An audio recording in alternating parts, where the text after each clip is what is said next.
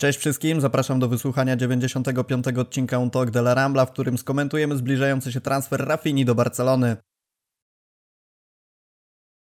Okienko transferowe ruszyło, mamy 3 lipca, a pogłoski o tym, że Rafinha do Barcelony miałby dołączyć, nasilają się z każdym dniem, w zasadzie rosną już od zimowego okienka transferowego, kiedy to okazało się, że Brazylijczyk miałby zastąpić Dembele w Barcelonie. O tym, czy zastąpi Dembele, czy będzie z nim tworzył parę na skrzydle, czy jak to wszystko będzie wyglądać od strony taktycznej, porozmawiamy sobie dzisiaj w fantastycznym tercecie. Siemanko Julia. Hej. I siemanko Błażej. Hej. Dawno nie występowaliśmy w takim składzie, także mam nadzieję tutaj na e, burzę mózgów i ogranie tematu jak najlepiej, żeby nasi słuchacze byli z nas dumni. Dzięki wszystkim patronom, dzięki wszystkim, którzy subskrybują nasz kanał, a tym, którzy jeszcze tego nie robią, to oczywiście gorąco do tego zachęcamy i przechodzimy do tematu, bo do omówienia kwestii jest naprawdę sporo. Jeżeli chodzi o skrzydłowych przychodzących z Porto Alegre, to oczywiście mamy dobre wspomnienia z Ronaldinho, a musimy sobie porozmawiać o tym, czy Rafinha do jego poziomu ma szansę nawiązać. Zaczniemy sobie od kwestii, która bardzo rozpala kibiców, czyli od tego, ile Rafinha miałby kosztować, potem przejdziemy do tego, co Barcelonie miałby dać, a na koniec jakby to wyglądało w połączeniu z transferami lewego, czy odejściem potencjalnym Dembele z Barcelony. No właśnie, jak sądzicie, jak wygląda to z waszej strony? Mówi się o kwotach rzędu 60 milionów euro. Transfer Markt wycenia Rafinie na około 45 milionów euro. Czy są to pieniądze, jakie e, Brazylijczyk jest warty obecnie na rynku transferowym? No to ja krótko, nie, nie jest tyle wart, ale... Dlaczego? Ale jak to... Nie ma krótko. Ale jak to bywa w kapitalizmie, wszystko i wszyscy są, są warci tyle, ile ktoś jest skłonny za nich zapłacić. Tutaj patrzy Neymar 5 e, lat temu, więc e, i mo, możliwe, że, że konieczne będzie w, e, wydanie takiej kwoty, co moim zdaniem nie jest zbyt rozsądne, biorąc pod uwagę sytuację finansową Barcelony i biorąc pod uwagę samego piłkarza. Wiadomo, że statystyki to nie są, to nie jest jedyna rzecz, która e, e, się liczy, bo e, piłkarze mają znacznie większy wpływ na, na grę niż, niż same liczby. Tutaj choćby Patrz Busquets. Ale no, za gracza, który w poprzednim sezonie w, drużynie, która ledwo utrzymała się w Premier League, strzelił 11 goli, zanotował 3 asysty. E, takie pieniądze przy cenach, które e, po pandemii mimo wszystko troszkę spadły, e, no nie jest to odpowiednia kwota, co nie znaczy, że jakby mamy lepsze opcje. Nie mamy zbytnio lepszych kandydatów na, na skrzydło do pozyskania, a o tym pewnie powiemy później, ale yy, no, na pewno jest to lepsza opcja niż pozostanie Dembele. Błażej spróbujecie trochę skonfrontować teraz z Julią, bo e, Julia powiedziała o dwóch rzeczach, które musimy sobie według mnie rozgraniczyć, e, bo jedna kwestia to jest ile Rafinha jest warty, a druga kwestia to jest ile Barcelona powinna lub jest w stanie na niego wydać. Ile jest wart? Może zacznijmy od tego, ile jest wart. Ja sobie sprawdzałem, jak to było z Mane i Salahem. I Mane, kiedy przychodził do Liverpoolu, o ile dobrze pamiętam, w 2016 roku, tak to chyba było, kosztował 41 milionów euro. Czyli mówimy o 6 latach wstecz. To jest kawał czasu. Mimo wszystko kosztował 41 milionów euro, a miał na koncie dwa sezony w Southampton, z wynikami na poziomie 10 bramek plus 3 do 5 asyst? Czy to jest dużo? No, e, bardzo porównywalnie. W klubie, który raczej nie był e, lepszy, może lepszy był właśnie nawet od, od, od Leeds, miał troszkę lepszą drużynę, więc trudno powiedzieć, e, żeby te 60 milionów to było dużo. Podobnie zresztą było z Salahem, który co prawda w Romie ten ostatni sezon miał naprawdę, naprawdę solidny, bo tam chyba było 17 bramek, 12 asyst, albo nawet trochę lepiej, coś koło tego. No ale też kosztował 41 milionów euro i trzeba powiedzieć, że grał w Romie, która wywalczyła wicemistrzostwo Włoch z 90 bramkami strzelonymi w sezonie. Więc to nie było tak, że był zawodnikiem, który cały ten zespół ciągnął. Tam była drużyna bardziej zrównoważona w której on mógł się wykazać tym, co umie robić najlepiej. I też kosztował 40 ponad milionów euro, więc wydaje mi się, że te 60 milionów to z jednej strony jest całkiem sporo, a z drugiej strony mówimy o wyciągnięciu piłkarza, który jest absolutnie najlepszym zawodnikiem swojej drużyny. I to o klasę, nawet może o dwie klasy ponad tym drugim. Grał zarówno był kluczowy u, u Bielsy, który jest bardzo wymagającym trenerem, zwłaszcza pod względem taktycznym, i grał u Jesse'ego Marsza.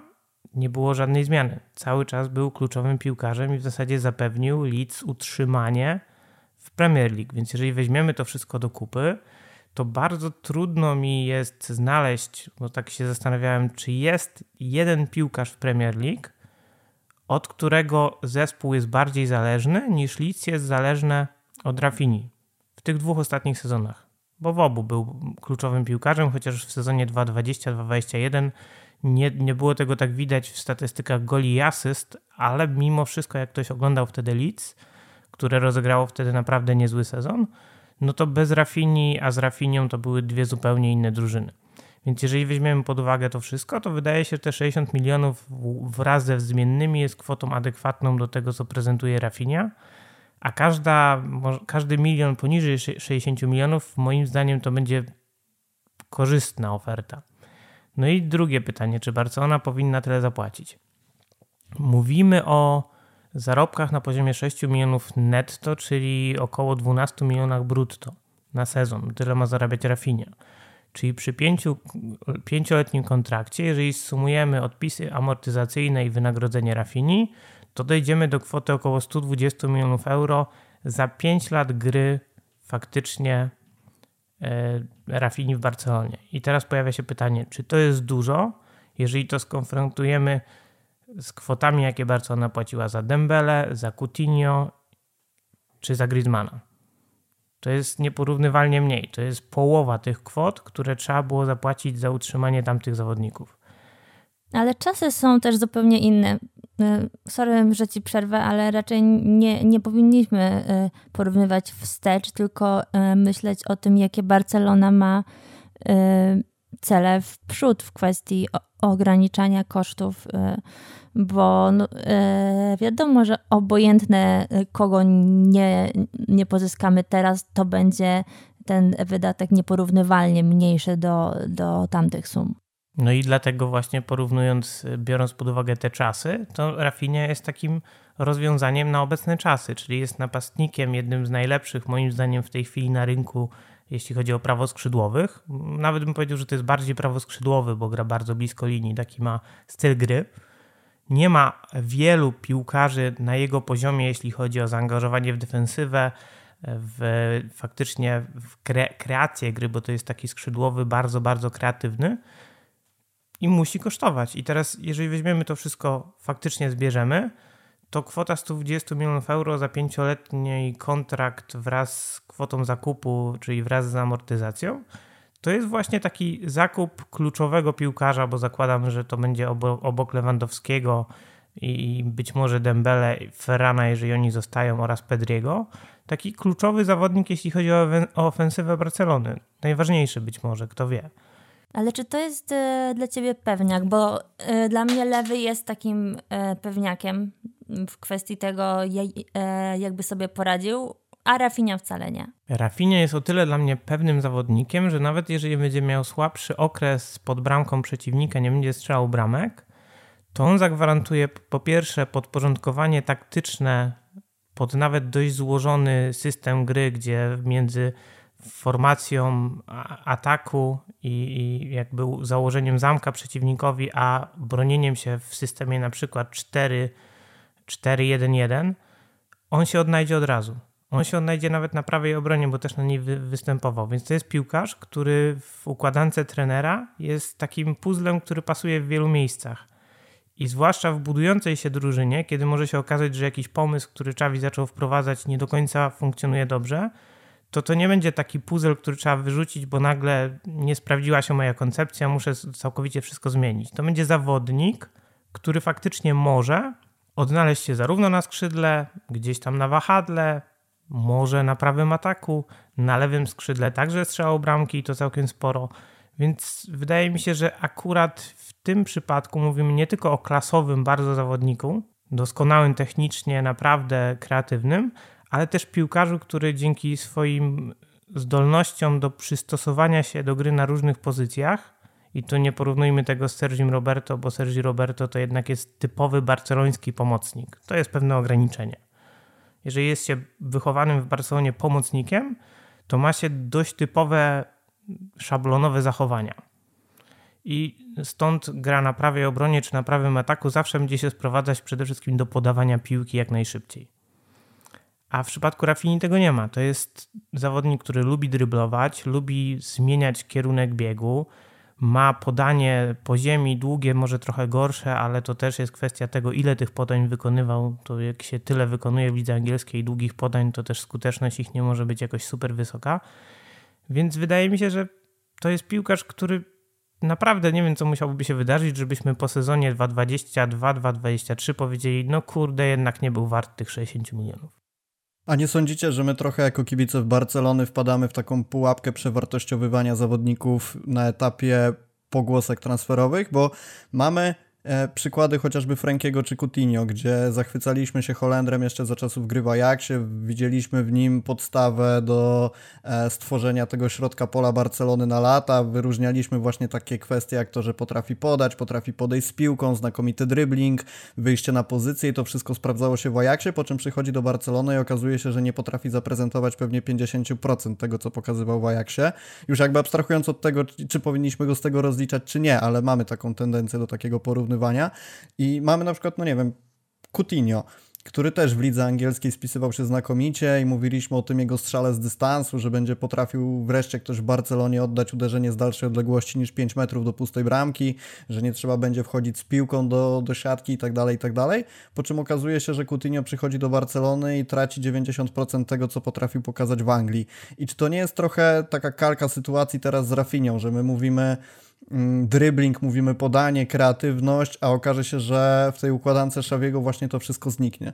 Znaczy Błażej mówi, ja tu właśnie jestem trochę sceptyczna. Znaczy przede wszystkim chciałabym zaznaczyć, że ja nie jestem prze, przeciwna temu transferowi i jeśli uda się trochę zejść z, z ceny, to raczej pozyskanie Rafini to jest e, najlepsze, co możemy zrobić, ale byłabym bardzo ostrożna, bo e, Barcelona to jest tak specyficzne środowisko. Tutaj e, poza tym słynnym oczywiście DNA i tak dalej, e, poza określonym stylem gry, określonym tak naprawdę e, reżimem taktycznym, no bo e, mimo wszystko to jest to 4-3-3-3 z drobnymi wariacjami, ale, ale raczej skład jest, jest stały. To jest konieczność gry nawet przez skrzydłowych, e, e, kiedy schodzą do środka krótkimi podaniami na małej przestrzeni, to się e, jak najbardziej zdarza. Także to jest raz. Nie wiadomo, czy on się w tym odnajdzie. Dwa, presja i psychika i oczekiwania, bo moim zdaniem to jest w dużej części to, co zaszkodziło Coutinho, czyli właśnie to, jak, jak wiele po nim oczekiwano i jak bardzo był krytykowany, e, kiedy mu e, zaczynało iść gorzej.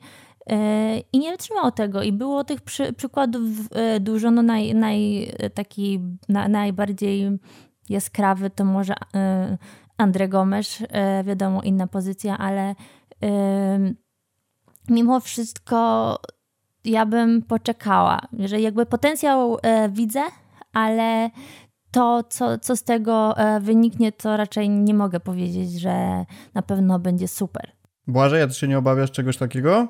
Ja jestem o tyle w komfortowej sytuacji, że akurat jeśli chodzi o Coutinho i Dembele, to byłem krytyczny i e, byłem w opozycji do większości e, znajomych, kibiców, dlatego że ja akurat Coutinho w Liverpoolu oglądałem sporo i dość często nawet pisałem o tym, że to jest zawodnik, który tam gra po prostu na skrzydle. Gra na skrzydle po to, żeby nie musiał przejmować tych zadań defensywnych, które musiałby mieć w środku pola w tej drużynie. I nie widziałem takiego rozwiązania, żeby mając Messiego, który też jest zwolniony z zadań defensywnych i gra na skrzydle, można było sobie na coś takiego w Barcelonie pozwolić z pozytywnym efektem. Więc gdzieś tam od samego początku miałem wątpliwości co do Coutinho, tym bardziej przy takiej kwocie, jaką za niego oferowano. Z kolei jeśli chodzi o Dembele, no to miałem ten problem, że to jest piłkarz, który jak przyjmuje tą piłkę, to zawsze ona troszkę jednak mu te, od tej nogi odchodzi, tu, tudzież w, w czasie biegu dość mocno ją sobie wypuszcza. I o ile bardzo doceniałem jego faktycznie nieszablonowość, to miałem takie obawy, że w tym rygorze taktycznym Barcelony on może notować straty, które będą Barcelonę kosztować dość sporo, bo grając bardzo wysoko, błąd wynikający z wypuszczenia sobie za daleko piłki kończy się stratą i, ta strata może się zakończyć też golem dla przeciwnika, więc miałem obawy. I o ile w przypadku Coutinho byłem bardzo sceptycznie nastawiony do tego transferu i nie miałem pomysłu, jak niby mamy grać z nim w pierwszym składzie, o tyle w przypadku Dembele miałem obawy, ale chciałem bardzo wierzyć w to, że się uda. Ale te obawy były. W przypadku Rafini tych obaw mam dużo mniej, dlatego że to jest piłkarz, mam wrażenie, skrojony do Barcelony Czawiego. Idealny. Nie wyobrażam sobie lepszego skrzydłowego niż Rafinie dla Czawiego. Dlatego, że on się bardzo dobrze czuje przy linii i jemu ta linia nie przeszkadza. Bo są skrzydłowi, zwłaszcza prawi napastnicy, którzy się nie zbliżają do tej linii bocznej boiska, dlatego że ona ich ogranicza muszą mieć trochę więcej swobody, żeby pokazać pełnię swoich możliwości. Schodzą do środka bardziej. Z kolei Rafinia nie. Dla Rafini linia jest elementem, który on potrafi wykorzystać. Z, na przykład zmniejsza się czujność obrońcy, on zmienia kierunek biegu, wypuszcza sobie gdzieś piłkę, zakłada siatkę przeciwnikowi i nagle zyskuje, zyskuje przewagę. Bardzo dużo ryzykuje, to prawda, to jest być może jedyny aspekt, który mnie trochę martwi, bo będzie musiał się przestawić. Jego skuteczność driblingów czy skuteczność długich podań ona jest mizerna dość jak na skrzydłowego i będzie musiał się poprawić, podejmować to ryzyko rzadziej.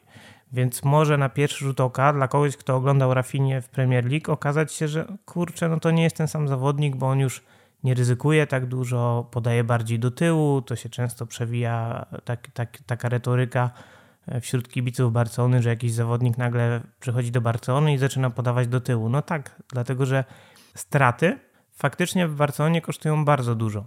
W związku z tym trzeba ważyć każde zagranie dużo, dużo bardziej niż w innych klubach, więc okej, okay, to jest jakaś, jakieś ryzyko. Ja też nie oczekuję od niego liczb na poziomie 20 bramek i nie wiem, 15 asyst.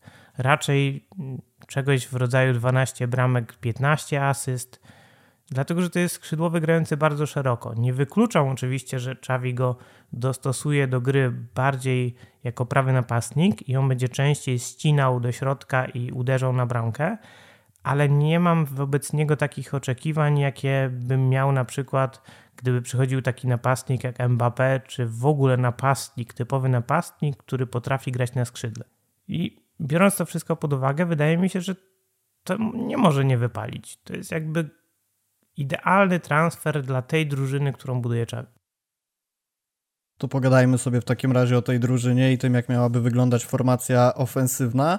E, na razie ofensywna, bo o walorach Rafini w defensywie też sobie musimy porozmawiać. Wiem, Błażej, że e, ty zacząłeś ten temat na Twitterze, ja go trochę podbiłem tabelką i, i zgadzamy się z tym, że e, w defensywie również Brazylijczyk dobrze się spisuje, ale póki co ofensywa. Radosław Widera zadał pytanie, czy jest miejsce w składzie, w kadrze bardziej powinniśmy powiedzieć dla Dembele i Rafini, natomiast Tomasz zadał pytanie, jakie jest optymalne zestawienie linii ofensywnej, zakładając, że wszystkie ruchy transferowe dojdą do skutku. Połączymy sobie te dwa pytania w jedno. I teraz y, w linii ofensywnej mamy Ansu, mamy Ferrana, gdzieś przewija się cały czas Abde, nie wiadomo co z Memphisem. Zakładamy zgodnie z tym, co, po, co napisał Tomasz, że do Barcelony przyjdzie lewy. Mamy Obama Younga, jest jeszcze White. E, zakładamy również przyjście Rafini, podpisanie Dembele i przewijają nam, nam się też takie postaci jak Kojado czy Trincao. Myślę, że możemy sobie Kojado i Trincao wspólnie odesłać z Barcelony gdzieś na wypożyczenie dalsze albo sprzedaż definitywną. To właśnie, jak to widzicie? Jak powinna składać się ta trójka, która będzie odpowiedzialna w Barcelonie za zdobywanie bramek? No ja przede wszystkim nie wysyłałabym tak od razu e, Kojadon e, e, poza Barcelonę. Myślę, że, że właśnie w jego przy, przypadku sporo będzie zależało od tego, jak sobie w trakcie pre, presezonu poradzi i na amerykańskim tournée. Zresztą tak też mówią media. Póki co on nie jest łączony z, z żadnym innym e, klubem, więc, więc zobaczymy. No Trincao to wiadomo, tam Sporting albo cokolwiek z nicz pruszków, e, byleby e, sobie poszedł raczej. Ale zakładając, że w kadrze będą wszyscy ci napastnicy, których wymieniłeś i i nikt nie odejdzie, co jest no, mało pra, prawdopodobne, no to raczej skład e, e, wyglądałby lewy po środku, a na skrzydłach z jednej strony Ansu, a z drugiej Dembele Rafinha, no co jest raczej e, niewykonalne, bo albo Dembele, albo Rafinha będzie w Barcelonie, przy, przynajmniej takie jest moje zdanie i taki to ma sens finansowo. Tutaj pewnie się, się Błażej zgodzi. No ale zakładając e, jakby ten scenariusz, który, który przedstawiłeś, no to raczej tu, sprawa jest, je, jest jasna. Wtedy, wtedy tego e, lewego e, mógłby zmieniać no załóżmy Brightwhite, jeśli zo, zo, zostanie, no to raczej no dobra on, ale no przede wszystkim Young. A za Ansu pewnie wchodziłby jakiś Abde. Gdzieś jeszcze zgubiłaś w tym wszystkim rolę Ferrana. A, faktycznie, no to Ansu Ferran. Tak, tak, tak, o właśnie, Ansu Ferran, o, to ma więcej sensu. Okej, okay, ja raczej bym zakładał, że w tej pierwszej fazie sezonu mimo wszystko Ferran będzie pełnił ważniejszą rolę na skrzydle w związku z problemami zdrowotnymi Ansu, ale jeżeli spojrzymy sobie na potencjał i to, co e, w drużynie Szawiego jeden i drugi mógłby dać, to zakładając rozwój Ansu, taki jaki wszyscy kibice chcieliby oglądać, to pewnie jednak on będzie zajmował to miejsce w pierwszym składzie. E, natomiast e, zgodnie z tym, co powiedziałaś, odpowiadając Radkowi na pytanie, nie widzisz szansy na to, że w kadrze będzie i Rafinha i Dembele bo to nie ma sensu. To jest e, dokładnie e, ta sama pozycja. To są e, duże, jak na Barcelonę, do wydania e, pieniądze na Rafinie i może nie ogromna, no ale tak na takim porządnie średnim poziomie pensja. E, to jest e, przede wszystkim konieczność e, rejestracji znowu i jego, i Dembele też, bo przedłużenie umowy, a właściwie teraz e, podpisanie nowej, bo stara wygasła, to, to, to też rejestracja. No i też nawet mimo obniżenia pensji e, Dembele, no to ja zdecydowanie nie sądzę, żeby on szedł poniżej poziomu Rafini, a wręcz myślę, że że może do, dostawać nawet trochę więcej i już pomijając fakt, że, że Barsy na to nie stać, to, to raczej nie ma to sensu. No, ja się zastanawiam, czy to nie jest właśnie taka jedna z niewielu korzystnych, komfortowych sytuacji, w których Barcelona mogłaby mieć dwóch jakościowych skrzydłowych, wreszcie z takim profilem typu szybkość, dribbling, umiejętność asystowania, a nie ustawiania tam właśnie Ferrana w roli takiego fałszywego skrzydłowego, bo ja cały czas nie jestem przekonany do tego, że Ferran rzeczywiście jako skrzydłowy by się sprawdził. No ale Błażej, co ty sądzisz na ten temat? Jak wyglądałaby optymalna trójka z przodu i czy jest w kadrze miejsce na Rafinie i Dembele? Ja tylko trzy, trzy grosze wtrącę, że my wciąż zakładamy, że Dembele będzie tym, tym Dembele z ostatnich trzech miesięcy sezonu, albo czterech, czy tam iluś, a nie tym z poprzednich czterech i pół roku. Tak, tak. Takie założenie możemy sobie tutaj wrzucić. Błażej. Moim zdaniem sytuacja wygląda w tej chwili tak, że zarząd czeka na to, co zrobi Dembele. Jeżeli Dembele zdecyduje się przedłużyć umowę na warunkach Barcelony, czyli tam mówiło się o okolicach 6-7 e, milionów plus zmienne netto, to wtedy prawdopodobnie trzeba będzie znaleźć bardzo szybko kupca na Memphisa. No, nie sądzę, żeby Memphis został w momencie, w którym Dembele zostanie. Dembele może grać na lewym, na lewym ataku bardziej niż lewym skrzydle I zdaję sobie chyba z tego też trochę Czawi sprawę, że jeżeli lewe skrzydło, to niestety, ale trochę dalej od linii. Bo o ile Dembele gra obiema nogami podobnie, moim zdaniem żadną z nich nie idealnie, to y, jako zawodnik przyzwyczajony bardziej do prawego skrzydła, gorzej się czuje z linią blisko pleców na, na lewym skrzydle. Więc wydaje mi się, że w sytuacji, w której miałby być zmiennikiem na przykład dla Ferrana i ewentualnie alternatywą e, dla, dla Fatiego, gdyby Fati faktycznie był zdrowy, no to wtedy, no to wtedy faktycznie Memphis powinien odejść. Tak mi się przynajmniej wydaje. I czy Barcelonę stać na taki komfort? Odejście Memphisa. Memphis zarabia podobne pieniądze do, do tych, które zostały zaproponowane faktycznie Dembele w nowym kontrakcie, więc to jest jeden do jeden wymiana zawodników. I pod tym względem wydaje mi się to krokiem jeszcze rozsądnym, tym bardziej, że kontrakt, o którym się mówi w przypadku Dembele, ma być dwuletni. I ten dwuletni kontrakt, zarówno w kontekście Barcelony, jak i samego Dembele, jest świetnym kompromisem, bo z jednej strony Barcelona nie zwiąże się z piłkarzem na długo, więc nie ryzykuje, że znów przez 4 lata będzie go leczyć i płacić mu wysokie wynagrodzenie. A z drugiej strony Dembele wie, że jak zagra kolejny świetny sezon, a bardziej zagra pierwszy świetny sezon w Barcelonie, bo do tej pory zagrał niecałe pół dobrego sezonu, no to będzie mógł negocjować kontrakt na dużo lepszych warunkach, bądź też odejść za jakieś konkretne pieniądze do innego klubu, na przykład po roku gry w Barcelonie, gdyby się okazało, że nie ma dla niego miejsca w stolicy Katalonii. Więc pod względem finansowym, moim zdaniem, da się to jakoś spiąć, dlatego że w ataku nie mielibyśmy żadnego piłkarza, który by zarabiał powyżej 10 milionów netto. I to jak na klub topowy, znaczy lewy. moim zdaniem jest, no lewy ma zarabiać 9 netto, 9 do 10 netto, 18 ja widziałam do 20 ostatnio, brutto. że 12 nawet. Ja, ja słyszałem, że Laporta się upiera przy tym, że żaden zawodnik nie ma prawa zarabiać więcej niż 10 milionów netto i, i w to wierzę. Jeżeli by się okazało, że miałby zarabiać więcej, no to moim zdaniem sam transfer Lewandowskiego jest nietrafionym pomysłem. Ale jeśli chodzi o, o tą drabinkę płac w ataku, moim zdaniem ona byłaby całkiem rozsądna. I biorąc to pod uwagę, zabezpieczenie prawego skrzydła kosztem około 14 milionów netto wynagrodzenia jest na taki klub, który się kręci w okolicach 800 milionów e, budżecie, całkiem rozsądnym rozwiązaniem. Pamiętajmy, że te dźwignie finansowe, one są przede wszystkim po to, żeby spłacić zadłużenie. Więc okej, okay, jakąś redukcją przychodów, którą będzie trzeba zasypać przychodami z innych y, źródeł, Barcelona te swoje finanse uzdrowi. To już nie będzie ten sam klub, który był przed uruchomieniem tych dźwigni. To nie będzie klub z z 1,3-1,4 miliarda zadłużenia. To nie będzie ta, ten sam klub, więc musimy też to brać pod uwagę, że to już nie będzie ta sama Barcelona z tymi samymi problemami. Można powiedzieć, że wręcz będzie to Barcelona, która odrobinę wróci do sytuacji, która była wtedy, kiedy sprzedawali Neymara.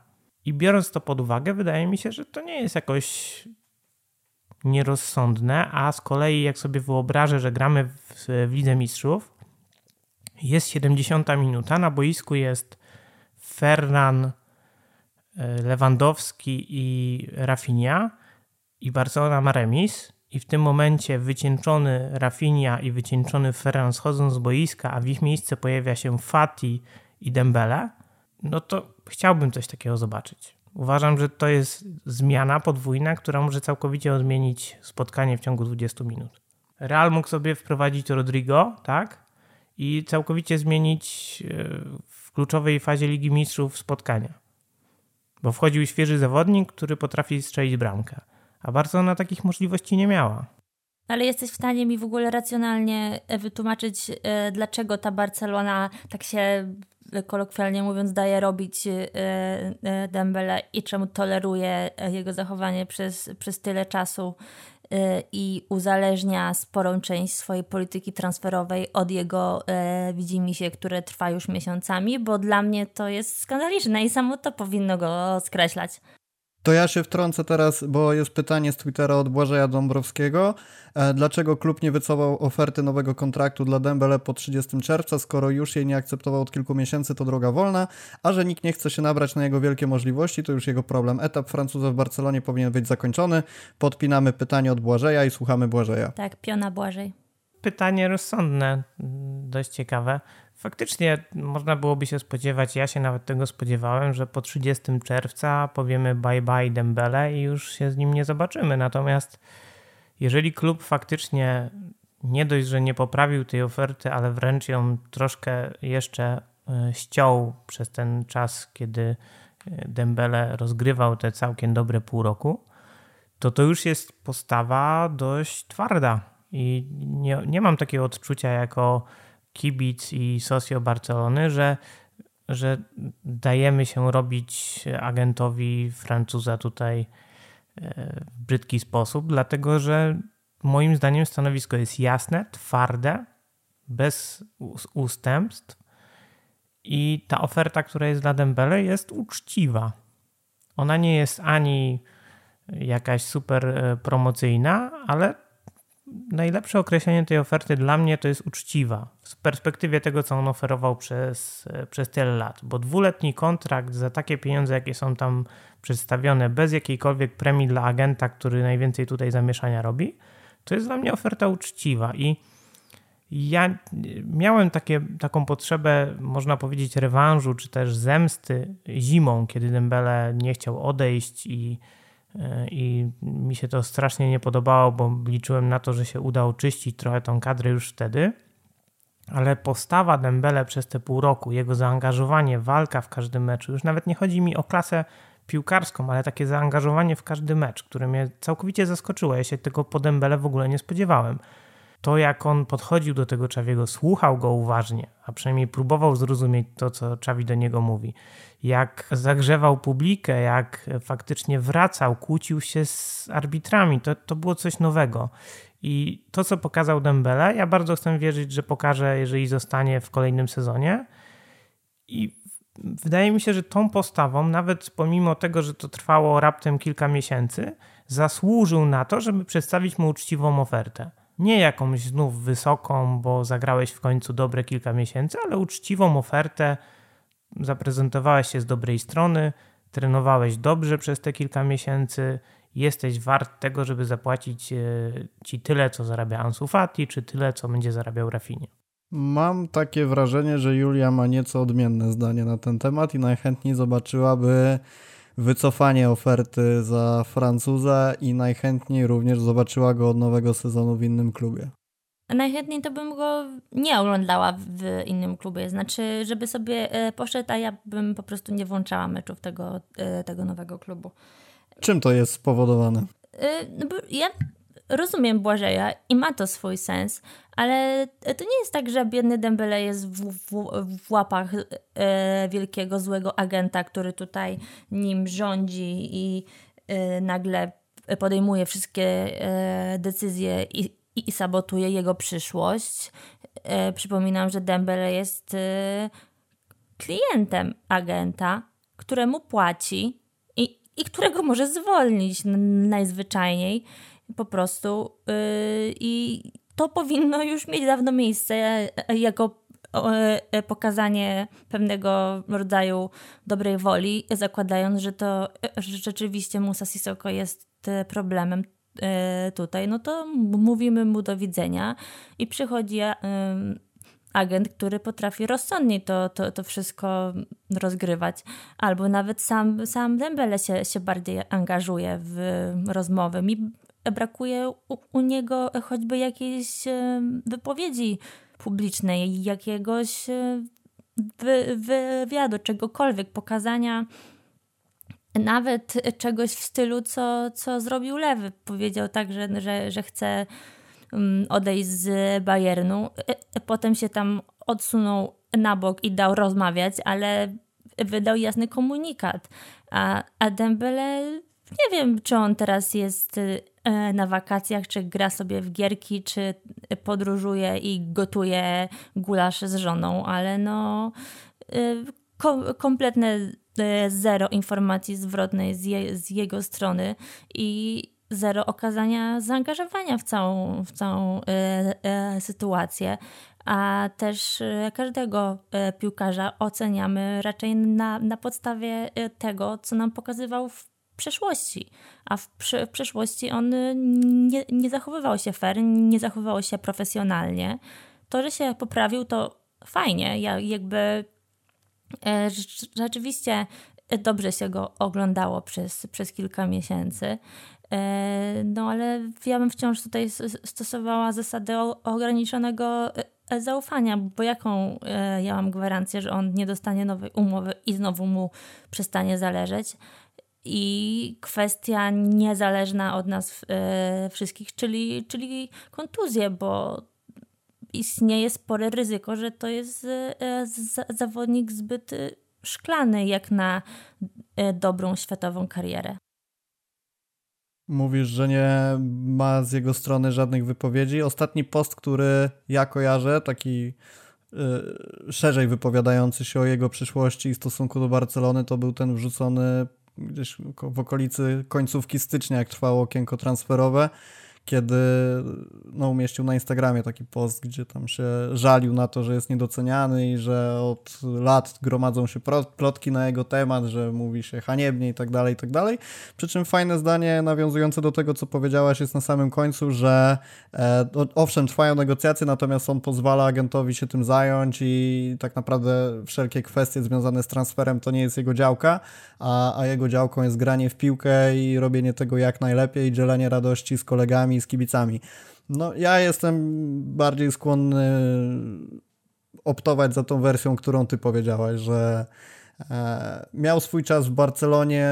Fajnie, że na te kilka lat pokazał przez kilka miesięcy, że potrafi w piłkę grać i potrafi się zaangażować, i to naprawdę się docenia, bo pomógł Barcelonie w bardzo dużym stopniu w końcówce minionego sezonu, natomiast biorąc pod uwagę, jak to wszystko wygląda, to ja też nie jestem skłonny uwierzyć w to, że zawsze będzie super i zawsze będzie tak świetnie zaangażowany, bo bardziej wierzę w to, że to był taki fundament pod transfer, co już wielokrotnie mówiliśmy w podcastach. E, no a do tego też nie podoba mi się takie podejście w stylu chcę odejść, ale jak przestały się pojawiać oferty i okazuje się, że ani PSG, ani Chelsea, ani żadna inna drużyna nie jest w stanie uwierzyć we mnie, no to hej Xavi, ja jednak e, doceniam Barcelonę i chętnie bym tu został i umieść mnie w swoim projekcie, chociaż nie odpowiadałem na żadną ofertę, jaką mi przedstawiliście i w zasadzie żądałem podwyżki, a teraz jak jednak y, muszę podpisać, to w sumie ta obniżka jest spoko. No nie, nie, nie, dla mnie... To dla jest, mnie to jest wiesz, coś... taki, taki standardowy przykład... Y, y, nie wiem, Błażej ma żonę, zdradzają, chce ją zostawić dla, dla kochanki, ale kochanka zmienia zdanie, to Błażej wraca do żony i jeszcze się godzi zmywać naczynia codziennie, nie? No, sorry. Dobra, zostawiamy ten temat już jest za grubo. E, powiedzieliśmy sobie o tym, co Rafinha może dać w ofensywie, e, co Rafinha może dać w defensywie, bo to jest też ciekawa kwestia, do której na pewno musimy nawiązać, bo okazuje się, że jeżeli zestawiamy sobie e, Rafinie z właśnie chociażby Dembele, to okazuje się, że e, Rafinha w defensywie spisuje się dużo, dużo lepiej i jest zawodnikiem, który pracuje nie tylko w ataku, ale też angażuje się właśnie w zadania obronne. I wiem, że ty, Błażej, również podzielasz moje zdanie na ten temat i wiem, że wierzysz w to, że w taktyce Szawiego w tej sferze obronnej Rafinha sprawdziłby się bardzo dobrze. Tak, tutaj się zgadzamy, ale y, ja w ogóle widzę pewien sens w układaniu kadry przez Czawiego. Barcelona jest drużyną, która swoją siłę opiera na pressingu przede wszystkim i żeby ten pressing był skuteczny, to musi się pojawić poza e, oczywiście pewnym płynnością i zaangażowaniem wielu zawodników, to musi się pojawić umiejętność przerywania podań pod presją. Bo pressing ma doprowadzić do tego, żeby, że albo któryś z piłkarzy drużyny przeciwnej straci piłkę poprzez odbiór y, piłkarza Barcelony, albo poda piłkę nieprecyzyjnie lub za późno, dzięki czemu będzie można to podanie przerwać. Jeżeli spojrzymy sobie na statystyki, jakie ma Frank Kessie albo właśnie Rafinha, to na swojej pozycji to są najlepsi piłkarze pod względem przerywania podań. Mają bardzo dużo przerwanych podań. Czyli potrafią czytać grę na tyle, żeby we właściwym momencie pojawić się w strefie, w którą pójdzie podanie. To jest bardzo cenna umiejętność i to jest coś chyba, czego nie da się wytrenować moim zdaniem. Dembele na przykład w wielu takich sytuacjach jest spóźniony. Widać, że mógłby pójść w tym kierunku, ale nie idzie, jest, idzie za późno. On jest dobry z piłką przy nodze, dobry w grze 1 na 1 w defensywie wbrew pozorom, bo całkiem dobrze się tam pokazuje. Waleczny, uciążliwy dla kogoś, kto ma piłkę w defensywie, ale ta, przy takim taktycznym bronieniu to Dembele nie ma zbyt wiele do zaoferowania. A Rafinha ma bardzo dużo i pod tym względem właśnie Xavi budując taką drużynę może stworzyć potwora, który jak wyruszy pressingiem, to będzie potrafił tą piłkę przejąć. Wbrew pozorom nawet Lewandowski dobrze się czuje jako taki zwolniony z zadań defensywnych piłkarz oczywiście, bo podejrzewam, że to będzie jedyny piłkarz, który będzie niemalże całkowicie z tych zadań defensywnych zwolniony poza takimi skokami pressingowymi, które będzie musiał wykonywać. To jest piłkarz, który potrafi się we właściwym miejscu pokazać albo wywrzeć presję, zastosować jakiś wyblok, który ułatwi odebranie piłki, troszkę poprzeszkadzać. Jest, ma to trochę takie elementy brudnej gry, jaką stosował kiedyś Didier Drogba. I jak złożymy to do kupy i wprowadzimy faktycznie Rafinie na prawe skrzydło, to wydaje mi się, że szanse na odbieranie piłki na połowie przeciwnika jeszcze wzrosną. I moim zdaniem właśnie w tym kierunku zmierza Czawi. Chce zbudować drużynę, która potrafi atakować szeroko i wykorzystywać całą szerokość boiska, dlatego potrzebuje skrzydłowych, którzy dobrze się czują przy linii i wbrew pozorom Ferran potrafi tą linię wykorzystać. Nie poprzez jakiś dribbling, ale on potrafi podać z pierwszej piłki. Czyli jak on zejdzie do linii, nawet stanie za tą linią i będzie czekał na podanie i wyciągnie za sobą obrońcę albo pomocnika bocznego, to może podaniem prostopadłym, odegraniem piłki zupełnie nieprzewidywalnym bardzo przyspieszyć akcję. Więc mając Rafinie po prawej stronie i Ferrana po lewej, czy też Fatiego, który też przecież wielokrotnie pokazywał driblingi, które polegały na tym, że gdzieś piłkę puszczał obok nogi albo pomiędzy nogami przeciwnika, a obiegał go na aucie na przykład. To jest właśnie takie szerokie granie, które Czawi preferuje. Jeżeli to połączymy właśnie z taką defensywą, którą Rafinha potrafi zrobić, walczyć o, o górne piłki też potrafi. Ja nie mówię, że on wygrywa ponad 50% tych pojedynków główkowych, ale on nigdy nie odpuszcza, on zawsze idzie, jest bardzo skocznym zawodnikiem. Więc nawet jeżeli może nie odbierze tej piłki, ale utrudni na tyle zagranie głową e, w defensywie przeciwnikowi, że wybije ją na, na out. Więc to jest bardzo, bardzo potrzebne. Ja w tym widzę sens i jakiś pomysł Czawiego. I stąd po prostu bardzo popierałem ten transfer, nie patrząc tylko na liczby goli i asyst, bo to może robić e, wielu zawodników, to może się faktycznie w całej kadrze rozłożyć ale przede wszystkim przez to, jak chce grać Czawi, co widzieliśmy już e, w minionym sezonie, bo, bo ta gra Barcelony się bardzo zmieniła między tym, co proponował Ronald Kuman, a tym, co chciał wdrożyć jak najszybciej Czawi. Żeby przytoczyć trochę liczb, jeżeli chodzi o zablokowane piłki, to przewaga Rafini względem Dembele jest 1,82 do 0,71 przechwycone piłki to jest 1,31 e, do 0,60. Oczywiście to jest wszystko w przeliczeniu na 90 minut. A jeżeli do, do przechwyconych piłek dorzucimy odebrane, to mamy 3,03 do 1,95 na korzyść znowu Brazylijczyka, więc rzeczywiście e, statystyki pokazują, że w tym aspekcie Rafinha spisuje się lepiej. Ciekawa rzecz odnośnie do wybitych piłek, bo tu mamy 0,71 do 0,05 na korzyść Rafini, więc w ogóle inny sposób operowania piłką, jeżeli chodzi o jakieś ewentualne oddelegowanie zagrożenia. Zastanawiam się, czy to bardziej nie wynika z tego właśnie zaangażowania, że Rafinha ma więcej szans ku temu. A jeżeli chodzi o szanse, to znowu pytanie do Was.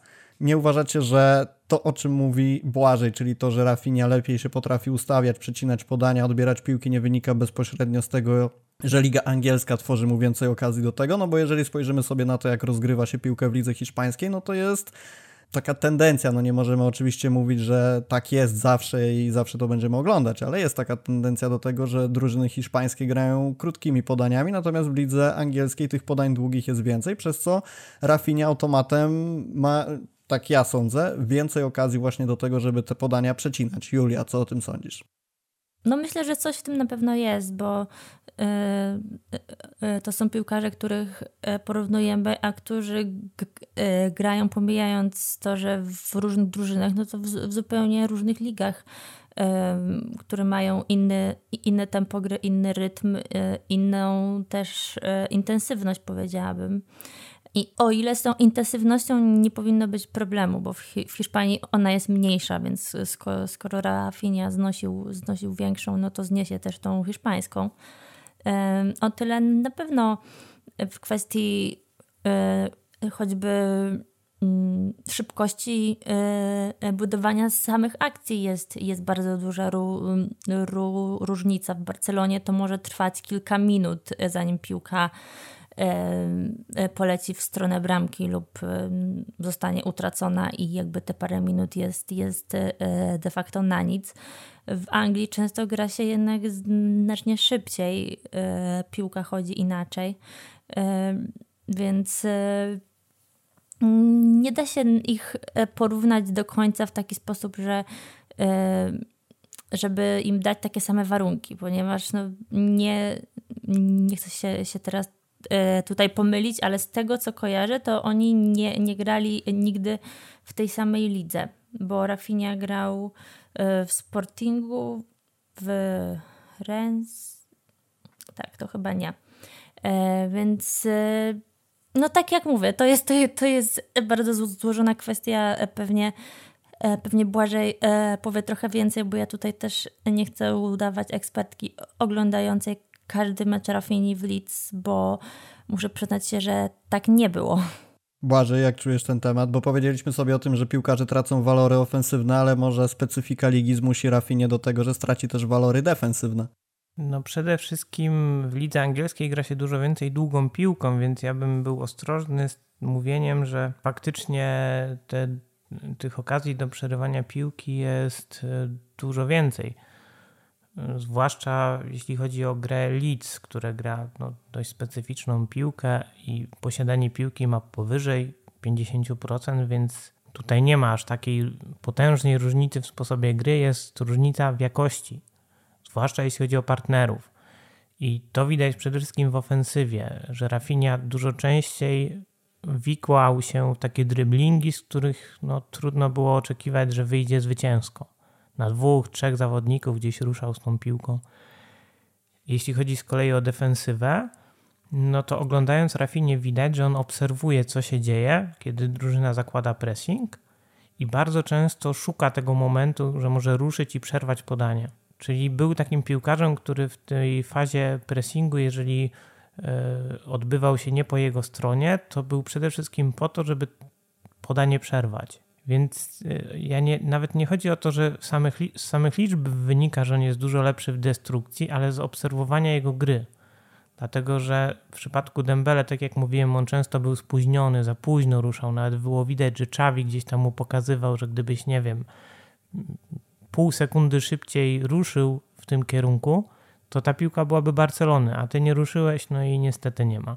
Rafinha zupełnie inaczej. On dużo lepiej czyta tą grę i dużo lepiej sobie pod tym względem radzi. Więc nawet gdyby się okazało, że te liczby będą niższe niż faktycznie to było w Leeds, to moim zdaniem nawet wizualnie da się zobaczyć, że to są zupełnie inni zawodnicy i, i nawet jeżeli to nie będzie miało odzwierciedlenia w liczbach, bo czasem może być tak, że ten ruch bez piłki nie doprowadzi do bezpośredniego bloku czy do bezpośredniego przejęcia, ale sprawi, że gdzieś tam kolejna próba podania już będzie pod taką presją, że drużyna faktycznie straci piłkę, bo e, się zdezorganizuje w ataku na tyle przez tą presję, że już nie będzie w stanie tego kontynuować i pójdzie jakaś długa piłka, która nie będzie miała prawa dojść do adresata.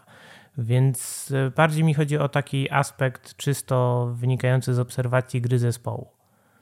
No moim zdaniem Rafinha jest, tym się różni od Dembele, że Dembele jest skrzydłowym, który y, jest dryblerem i wikła się w pojedynki, ma świetne podanie i dośrodkowanie, ale te podanie i dośrodkowanie jest zwykle w pole karne bądź też na wolne pole. Natomiast Rafinha jest graczem kombinacyjnym i kreującym, rozgrywającym, nawet trochę bym powiedział właśnie playmakerem. Więc potrafi całkowicie zmienić rytm akcji, przyspieszyć, zmienić kierunek poprzez podanie, nie poprzez dribbling. wejść w odpowiednią strefę, przytrzymać piłkę, poczekać aż dojdą zawodnicy e, jego drużyny, wejść w pole karne na ułamek sekundy, wstrzymać się z podaniem, czekając aż obrońcy pójdą za napastnikiem i dograć do pomocnika, który uderzy z 11 metra. To, jest, to są takie zachowania, których Dembele nie wykazywał w Barcelonie nigdy. A Rafin, dla, dla Rafini jest to całkowicie naturalne, zarówno jeśli chodzi o fazę defensywną, jak i fazę ofensywną. I z tego też względu, moim zdaniem, jest dużo lepszym pod tym względem piłkarzem. I fakt, że on występował w ogóle na prawej obronie, to też jest pewna informacja dla nas, że radzi sobie po prostu na tej pozycji. Dzięki właśnie tej za, za, zawziętości bardzo dużej ma świetny refleks, to jest też y, bardzo istotne, bo taka statystyka, która zwykle wzbudza śmiech, jak to się przywołuje, czyli zakładanie siatek piłkarzom, wymaga doskonałego refleksu, bo musisz w odpowiednim momencie tą piłkę zagrać. Rafinha bardzo często stosował właśnie e, takie dość upokarzające dla przeciwnika zagrania. On tam chyba 15 siatek zaliczył w Leeds, bo też mi się rzuciła w oczy ta statystyka, jak sobie oglądałem, co on wyczyniał. Także rzeczywiście pod tym względem odjechał. Dla niego to jest takie naturalne. On widzi, obserwuje i wykorzystuje każdy taki nieskoordynowany ruch przeciwnika. Poza tym jest dużo silniejszym piłkarzem. Mimo, że jest podobnego wzrostu, nawet odrobinę niższy, to on ma taką E, nawet bym powiedział, że tendencję do wchodzenia w dribbling e, z takim wystawionym ramieniem, że oprze się o przeciwnika, dzięki czemu będzie mógł to wykorzystać w kolejnym, e, w kolejnej, przy kolejnej zmianie kierunku. Jest jakby zupełnie innym piłkarzem. To jakby nie można tego porównywać. Jakbym miał szukać zawodnika, który gra podobnie do Rafini, to nawet nie wiem, czy jest w tej chwili taki. No ma pewne cechy Ronaldinho, czy nawet Viniciusa, ale jest piłkarzem, no tak jak mówię, od Ronaldinho ma trochę takiego typowego rozgrywania, że zatrzyma się z piłką, podniesie głowę, zagra jakieś takie podanie, które nie będzie może otwierające, ale bardzo przyspieszające akcję, no ale nie jest aż takim wirtuozem i wizjonerem, jakim był e, faktycznie Ronaldinho. Od Viniciusa bym powiedział, że taka niekonwencjonalność dryblingu. Jest mniej skuteczny w tym dryblingu, ale to jest takie mocno nieprzewidywalne, takie granie, można powiedzieć, jak na jakimś boisku pod blokiem, takie trochę futsalowe. I, I to mi się podoba z jednej strony jako osobie, która lubi ten taki bardziej widowiskowy futbol, a z drugiej strony mam świadomość, że to prowadzi do wielu strat, których mogłoby nie być. Więc jeżeli zbierzemy to wszystko e, i postaramy się stworzyć profil e, zawodnika, no to mamy piłkarza, który jest typowym Brazylijczykiem, który został, mam wrażenie, troszkę przez Bielsę ociosany do europejskiej piłki. I to ociosanie, owszem, troszkę go okroiło z tej wirtuozerii, ale sprawiło, że jest użytecznym zawodnikiem nawet w tej fazie defensywnej i to nawet w drużynach, które mają potrzebę bronić się przez dłuższą część meczu. Wspomniałeś o Ronaldinho i to jest temat, którym zakończymy sobie podcast. Nie sam Ronaldinho, ale temat tego, że Rafinha jest Brazylijczykiem, a jak wiemy, z Brazylijczykami bywa różnie, bo może ci się trafić ktoś o e, ktoś przypominający na przykład Kakę, czyli taki dobry, ułożony chłopak, który mówi dzień dobry, a może ci się trafić ktoś pokroju Ronaldinho właśnie, który będzie zamiast na treningi chodzić na łóżka do masażu i trzeźwieć po piątkowej imprezie zamiast trenować. I teraz jak spojrzymy sobie na Brazylijczyków, którzy w Barcelonie przewijali się przez ostatni czas, to możemy sobie ich podzielić na dwie kategorie, tych, którzy, którzy się sprawdzili i tych, którzy się nie do końca sprawdzili i jeżeli chodzi o tych, którzy spełnili oczekiwania kibiców, no to myślę, że Neymar jest dość oczywisty, nawet mimo tej przykrej końcówki, ale no to, co zrobił w Barcelonie, to trzeba mu oddać. Myślę, że w skali swojej jakości i tego, czego się od nich oczekiwało, Adriano Maxwell na pewno, Dani Alves, no klasa sama w sobie, Belletti, Edmilson, myślę, że też, Ronaldinho, Silvinho, oczywiście, że tak, no możemy się jeszcze trochę cofnąć i wymieniać sobie Rivaldo czy, czy Ronaldo, Romario, ale jak sobie spojrzymy na te czasy bliższe tego, gdzie obecnie jesteśmy, no to mamy takie postaci jak Mateusz, Neto, Artur, Malcolm, Emerson, Paulinho, Marlon, e, Coutinho, Douglas, Rafinha, czy takie postaci, które, które w Barcelonie nie zagrzały miejsca długo, czyli Keirison i Hen Henrique, jeżeli dobrze to czytam. Nie wiem, czy tu H będzie dźwięczne, czy bezdźwięczne. No Paulinho w sumie możemy przerzucić do tej części, która się sprawdziła. Tu jakiś e, błąd z mojej strony. Nie obawiacie się tego, że finalnie okaże się, że po prostu Brazylijczyk stanie się drugim skandalistą po Arturze, który gdzieś tam wrzucał fotki z imprez i tak dalej, który e, okaże się człowiekiem nie do końca wpisującym się w charakter piłkarza i styl pracy, jakiego oczekuje od swoich podopiecznych Szawi, no bo jednak wiemy, jak wygląda to w przypadku Brazylijczyków. Nie jest to taki niemiecki model pracy, gdzie wstajesz o 8, idziesz na trening, robisz co masz do zrobienia, wracasz i jesteś grzeczny pod opieką dietetyka, tylko raczej będzie się to wiązać z tym, że to życie nocne Barcelony może go wciągnąć, może się okazać, że nie będzie dojeżdżał na treningi i no ja szukałem jakichś takich e, rzeczy związanych z Rafinią, które przebijałyby się pod tym kątem. Nie poświęciłem na to jakoś super dużo czasu też, więc jeśli coś mi umknęło, to oczywiście możecie nam podlinkować to w komentarzach, ale też nie trafiłem na to, żeby coś z jego udziałem się przewijało, natomiast jest to chłopak ciągle młody, urodzony w 96 roku, więc zastanawiam się, jak wy to widzicie. Czy, czy okaże się drugim Neymarem, czy drugim Malcolmem? No ja zdecydowanie dałabym mu kredyt zaufania pod tym względem. Myślę, że nie można oceniać E, piłkarzy, ani w ogóle ludzi przez, przez pryzmat e, tego, co ro, robili inni z, z jakiejś szerzej pojętej grupy, pod, pod którą podchodzą, czyli w tym przypadku nie ma co oceniać Rafini e, na podstawie innych brazylijskich piłkarzy. Myślę, że trzeba, trzeba dać mu szansę, trzeba zobaczyć, jak się będzie zachowywał, a, a jako, że tak jak wspomniałeś, nie ma E, póki co przesłanek e, wskazujących, że w, w, w przeszłości coś z tym, z tym jego profesjonalizmem było nie tak, no to jak najbardziej nie, nie doszukiwałabym się tego też, e, też teraz. Oczywiście ryzyko zawsze jest, no ale z drugiej strony, jak spo, spojrzymy ostatnimi czasy na profesjonalizm Piqué, to też najlepiej z tym, z, z tym nie jest, a niby taki, taki dobry chłopiec był. Ale pod tym względem z pewnością nie, nie, y, nie brałabym y, tego y, pod uwagę na przykład przy ocenianiu, czy warto sprowadzić Rafinie, czy, czy nie, bo myślę, że traktowanie go, go w taki sposób byłoby zwyczajnie dyskryminujące. Błażej, co sądzisz? Rafinha mi bardziej przypomina Luisa Suareza niż Brazylijczyków w swoim jakby sposobie ekspresji na boisku i tym, temu, jak się zachowuje. On jest kłótliwym piłkarzem, faktycznie lubi gdzieś tam z sędzią nawet sobie czasem podyskutować. Lubi faktycznie ekspresyjnie bardzo pokazywać radość z bramek. To widać, że to z niego wychodzi jak jakiś, jakiś żywioł. I, I bardziej jest moim zdaniem taki urugwajski niż brazylijski w tym sposobie bycia na, na boisku. Zawziętość widać w nim, taką agresywność wręcz nie potrafi przegrywać, bo widać, że on zawsze to przeżywa. Jak się ogląda mecze Premier League z nim w roli głównej i Leeds przegrywa, to się w ostatnim czasie działo, no mówmy się, dość często, to jest to piłkarz, który zawsze każdą tą, z tych porażek przeżywa, gdzieś tam go to boli i jakbym miał z tego jakieś wnioski wyciągać, oczywiście one nie mogą być zbyt daleko idące, bo jakby sukces może zmienić człowieka w ciągu roku. Tak, nawet powiedziałbym, że rok to dużo jakiś wielki sukces i pierwsza trójka złotej piłki mogłyby sprawić, że nagle Rafinha by uwierzył, że już nie musi być tym samym zaangażowanym zawodnikiem, co był wcześniej i nagle może już sobie mniejszym nakładem sił utrzymać się na tym poziomie, na który wskoczył. Ryzyko jest zawsze, natomiast na, te, na tę chwilę Rafinha mi nie przypomina typo, typowego Brazylijczyka.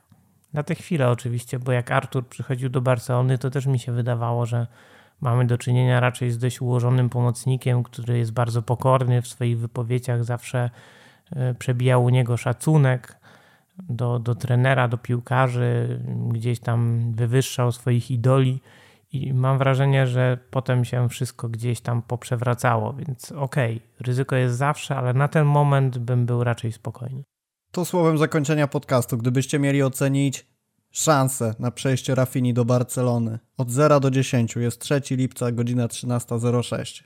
Nie mamy jeszcze oficjalnego potwierdzenia. To ile by to było? Ja nie wiem, ja jestem beznadziejna w tych wszy, wszystkich e, e, liczbach. 70%? Dobra, Błażej? No jeżeli Lewandowski to jest 90%, to z uwagi na oferty Arsenalu, Chelsea oraz niepewność tej drugiej dźwigni, to też bym powiedział, że jakieś 70-75% szans. Gdzieś się zgadzamy, bo ja chciałem powiedzieć, że też 70%, ale żeby nie było nudno, to powiem 85% i zostawmy naszych słuchaczy z tym obstawianiem. Dobra, myślę, że możemy śmiało kończyć. Dzięki serdeczne za Wasz udział. Zapraszamy serdecznie do tego, żebyście nasi drodzy słuchacze oczywiście subskrybowali kanał, dali łapkę w górę, odwiedzili naszego Patronite'a. Zapraszamy serdecznie na FC Barsa po newsy, po artykuły. Zachęcamy do założenia konta i dyskusji na Rambli. Wiecie, że tam przez 24 godziny coś się dzieje, także na pewno nie będziecie się nudzić. Dzięki Julia i dzięki Błażej. Dzięki. Dzięki, cześć. Do usłyszenia, siemanko.